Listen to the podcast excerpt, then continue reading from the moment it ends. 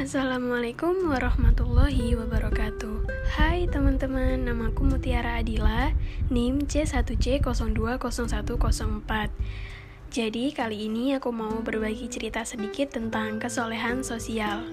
Jadi saat mau daftar perguruan tinggi atau PTN, kita pasti harus ikut ujian dulu kan. Nah, salah satu temanku itu juga belajar buat persiapan ujian, sama kayak aku. Rajin banget belajarnya, rajin dengerin materi di les online maupun offline. Tapi dia ini ada beberapa pelajaran seperti matematika atau hal-hal yang berkaitan dengan hitung-hitungan. Dia agak gak paham nih, susah memahaminya.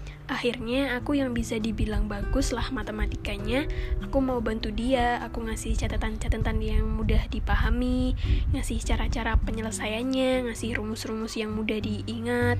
Terus juga kadang kita ketemuan buat belajar bareng. Lama-lama dia mulai bisa nih, mulai paham, sampai dia sering banget bilang terima kasih ke aku karena udah bantuin.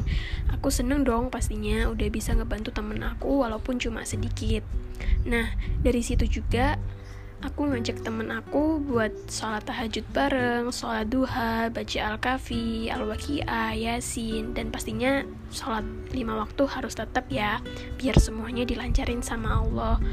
Aku juga ngasih tahu temanku bahwa usaha tanpa doa itu sombong dan doa tanpa usaha juga bakal sia-sia.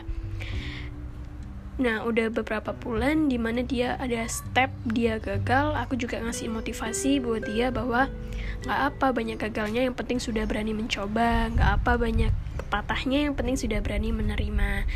Jadi itu cerita tentang kesolehan sosial yang aku alami.